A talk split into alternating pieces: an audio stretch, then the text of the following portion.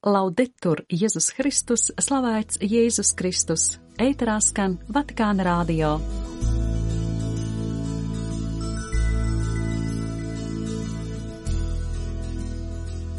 Esiet sveicināti, dārgie radioklausītāji! Romā norisinās klēra evanģelizācijas un austrumu baznīcu dikastēriju rīkots kongress atdzīvini Dieva žālistību, kas ir tevī. Kardinālu padomes sēdē apspriesta sieviešu loma baznīcā. Mūžībā devies bijušais Vatikāna muzeju direktors. Pāvests atbild uz ebreju rabīnu un zinātnieku vēstuli.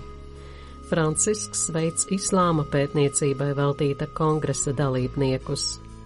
6. februāra raidījumu noklausīties aicina māsa Silvija Krilteža.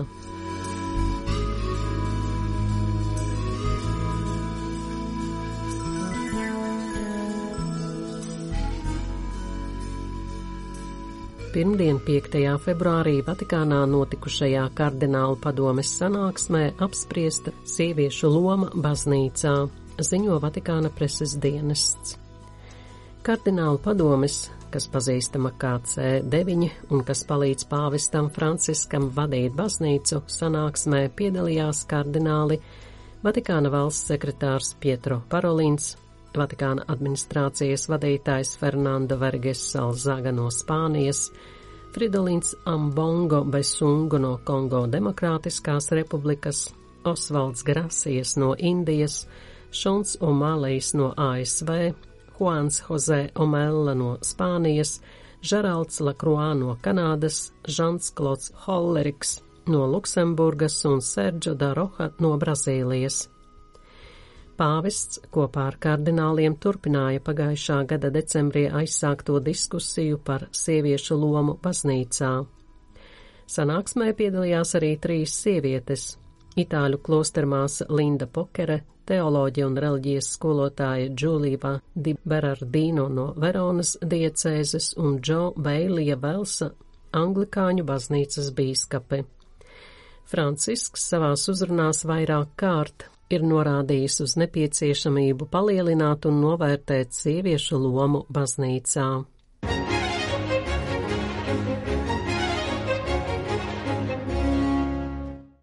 Otrajā februārī pavists nosūtīja atbildes vēstuli ebreju svēto rakstu pētniecei Karmai Benai Johanānu.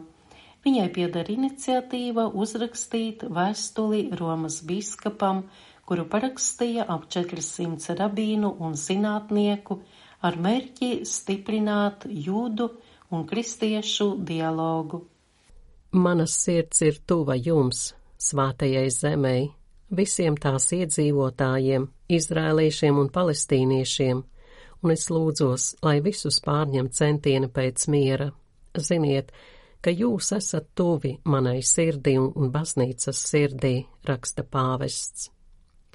Francisks atgādina, ka svētā zeme diemžēl nav izslēgta no ciešanām, kas pārņēmušas pasauli, no īsta kara, kas noris fragmentārā veidā un kas izsauc bailes un sāpes visā pasaulē.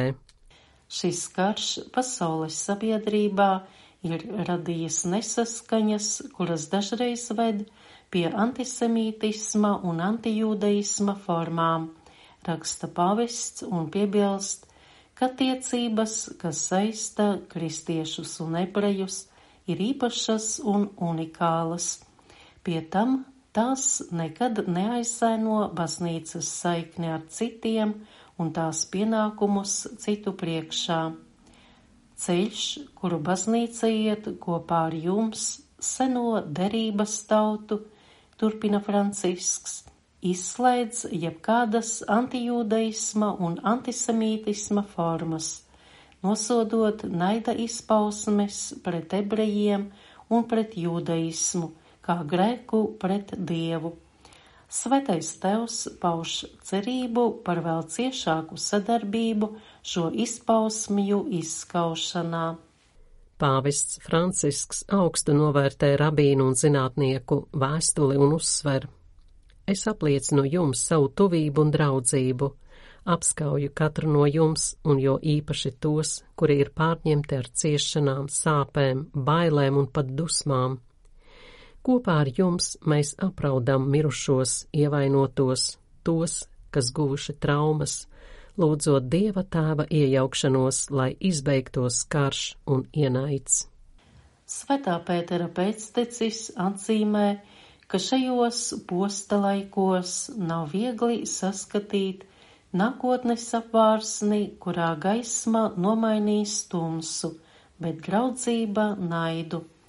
Toties mēs, jūdi un katoļi, esam aicināti liecināt tieši par šādu apvārsni.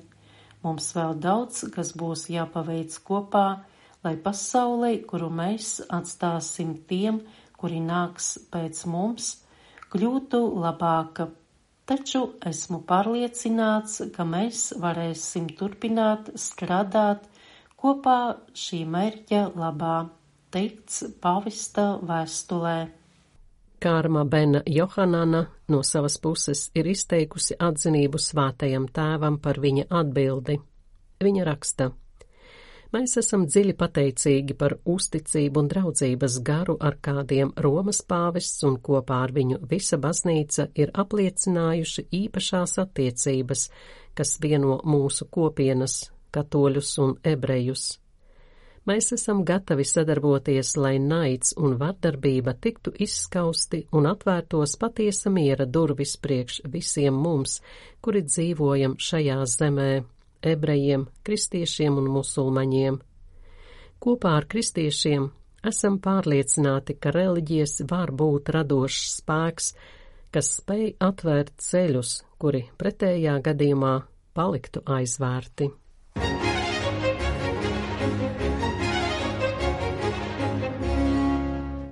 Atbildes uz jautājumiem, kas satrauc baznīcu, ir rodamas liekot centrā antropoloģiskās pārdomas par mūsdienu cilvēku, un tas ir tas, ko cenšas darīt pavests Francisks. Tas nozīmē uzsākt procesus, lai rastu atbildes sejot, nevis meklētās gatavās programmās. Šādu paskaidrojumu sniedz Itālijas biskupu konferences prezidents Boloņas arhibīskaps Mateo Dzupi līdzīgu skatījumu uz baznīcas nākotni savā grāmatā pieci jautājumi, kas saviņo baznīcu, piedāvā Itālijas televīzijas rai žurnālists, Vatikāna notikumu atspoguļotājs Injācio Ingrao. Piedaloties grāmatas prezentācijā Boloņas biržas bibliotekas zālē Salā Borsa, kardināls Dzupi atzīmēja, ka šodien ir nepieciešams uzdot jautājumu, ar ko mēs runājam, kāds ir mūsdienu cilvēks. Kardināls uzsvēra, ka starp procesiem un gatavām programmām pastāv būtiska atšķirība, jo nav iespējams gūt tūlītēju atbildi. Tā ir jāmeklē, ejot kopā ar cilvēkiem, tos uzklausot. Pie tam vienmēr var gadīties kaut kas negaidīts. Itālijas biskupu konferences prezidents norādīja, ka programmas nelīdz, lai ieviestu skaidrību, jo to mums jau dod evaņģēlīs. Savukārt, uzsākt procesus nozīmē, ka mūsu rīcībā nav atbildes, ko pielietot. Tā ir rodama tikai ceļā. Kardināls Dzupi grāmatas prezentācijas ceremonijā atzīmēja, ka pavests Francisks nebaidās rast atbildes darbības gaitā. Šie pūliņi palīdzēs baznīcai nevis nomaldīties, bet gan atrast sevi, apliecināja kardināls. Viņš izteica vērojumu, ka daudz kur pastāv dezorientācija un grūtības, ne tikai baznīcā vien. Tāpēc primāts, koleģialitāte un sinodalitāte ir trīs elementi, kuri ir jāuztver kopā. Kādi tad ir pieci jautājumi, kas satrauc baznīcu? Grāmatas autors Ignacio Ingrao cenšas atbildēt uz viņa prāt aktuālākajiem jautājumiem, kas skar gan tos, kuri dzīvo baznīcas iekšienē un sadarbojas ar baznīcu, gan arī tos, kuri joprojām vēlas palikt malā, iespējams, senas un neizdziedētas nesapratnes dēļ. Tātad pirmais jautājums skan sekojoši. Vai neraugoties uz labajiem nodomiem, baznīca runā tikai uz dažiem, bet ne visiem? Otrais jautājums. Eiropā un Ziemeļamerikā ticības prakse acīm redzami mazinās, tajā pašā laikā Latīņa Ameriku un Āfriku ir pārņēmušas jaunās pentekostālās kopienas. Kas uzņemsies par to atbildību? Trešais jautājums - vai atvērtība pret lajiem un sievietēm ir īsta vai tikai izrādīšanās pēc? Ceturtais jautājums - vai baznīca spēja atbildēt uz jaunajiem izaicinājumiem, ko uzdot progress un zinātne, to skaitā uz tādiem kā dzīvības sākums un beigas, vecu ļaužu aprūpe, medicīnas jaunās robežas, gendera jautājums. Visbeidzot, piektais jautājums. Ar ko beigsies pāvesta Franciska uzsāktās reformas? Tie ir jautājumi, kas žurnālista Iņācijo Ingrao skatījumā ir svarīgi baznīcas nākotnei. Klusēšana būtu vissliktākā atbilde, viņš saka, piebilstot, ka kristīgā pieredze šodien paliek tikpat fascinējoša kā vakar. Taču tai ir jāļauj sevi provocēt tagadnes izaicinājumiem. Vatikānists atzīmē, ka pavesta Franciska pontifikāta desmit gadi baznīcu ir virzījuši uz priekšu, uz iziešanu pretim geogrāfiskajām un eksistences perifērijām, darot to par lauka slimnīcu, kas ir gatava pieņemt visu cilvēku jautājumus. Taču atbildes, daudzas no kurām ir savāktas sinodālajā ceļā un tā sagatavošanas posmā, liek viņoties kristīgajai kopienai un institūciju vadītājiem. Grāmata ir iznākusi sinodes par sinodalitāti pirmās asamblejas beigās, kurā pirmoreiz vēsturē ar balss tiesībām piedalījās sievietes.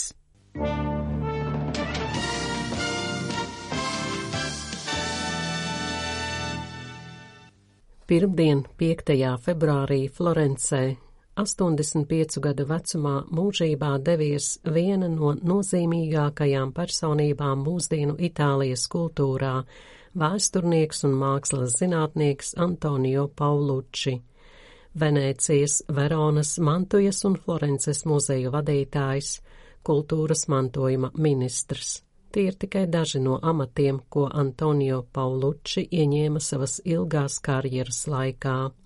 2007. gadā pāvests Benedikts 16. viņu iecēla par Vatikāna muzeju direktoru, Šos pienākumus viņš veica līdz 2016. gadam. Vatikāna valsts sekretāra kardināla Pietro Parolina parakstītā telegrammā pāvests izsaka visdziļāko līdzjūtību Pauluči ģimenei, paužot pateicību par lielā mākslas mīļotāja, dāsno un kompetento kalpošanu svētajam krēslam. Francisks aizlūdz par mūžībā aizgājušā Antonio Pauluči dvēseles mieru un sniedz apustulisko sveitību viņa ģimenei un draugiem, teikts Vatikāna valsts sekretāra parakstītajā telegrammā.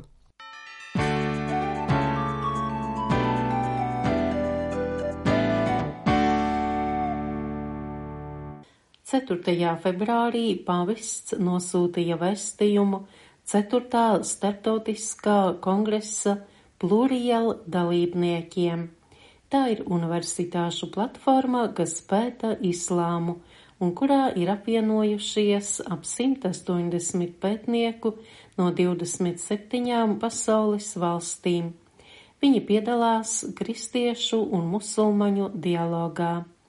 Šajās dienās pētnieki ir sapulcējušies Abu Dabi, lai izanalizētu 2019. gada 4. februārī parakstītās deklarācijas par brālīgumu, ietekmi un nākotnes perspektīvas. Izvērtējot galvenos šķēršļus ceļā uz dialogu, svētais tēvs uzsver, cik svarīgi ir iepazīt otru pusi, savstarpēji uzticēties un atteikties no stereotipiem miera labā. Francisks ir pārliecināts, ka ir jāiet tieši šāds ceļš, lai izvairītos no tādas civilizācijas, kur brālis tiek uztverts kā ienaidnieks.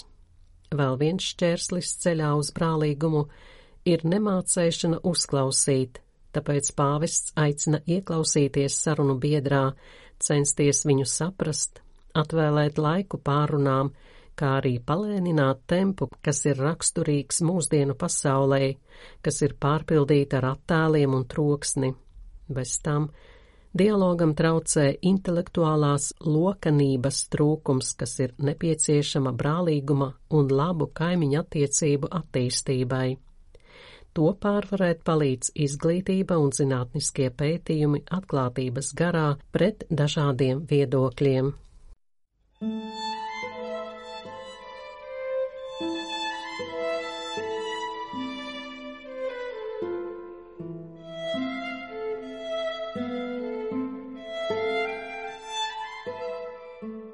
viens cilvēks grib dzīvot mūžīgi, un kad kādreiz pie Jēzus pienāca viens no likuma pazinējiem un jautāja, kā to var sasniegt, tad Jēzus viņam atbildēja, pastāstot līdzību par žālsirdīgo samarieti. Beigās vēl piebilstot, ej, un tu dari tāpat. Tātad ej, nestāvi uz vietas, kurā jūties tik ārti. Negaidi, kamēr ievainotie nāks pie tevis Ir taču tādi ievainojumi, kuri atņem spēju un vēlēšanos kustēties. Kad dzirdi šos vārdus, nedomā tikai par miesas sāpēm.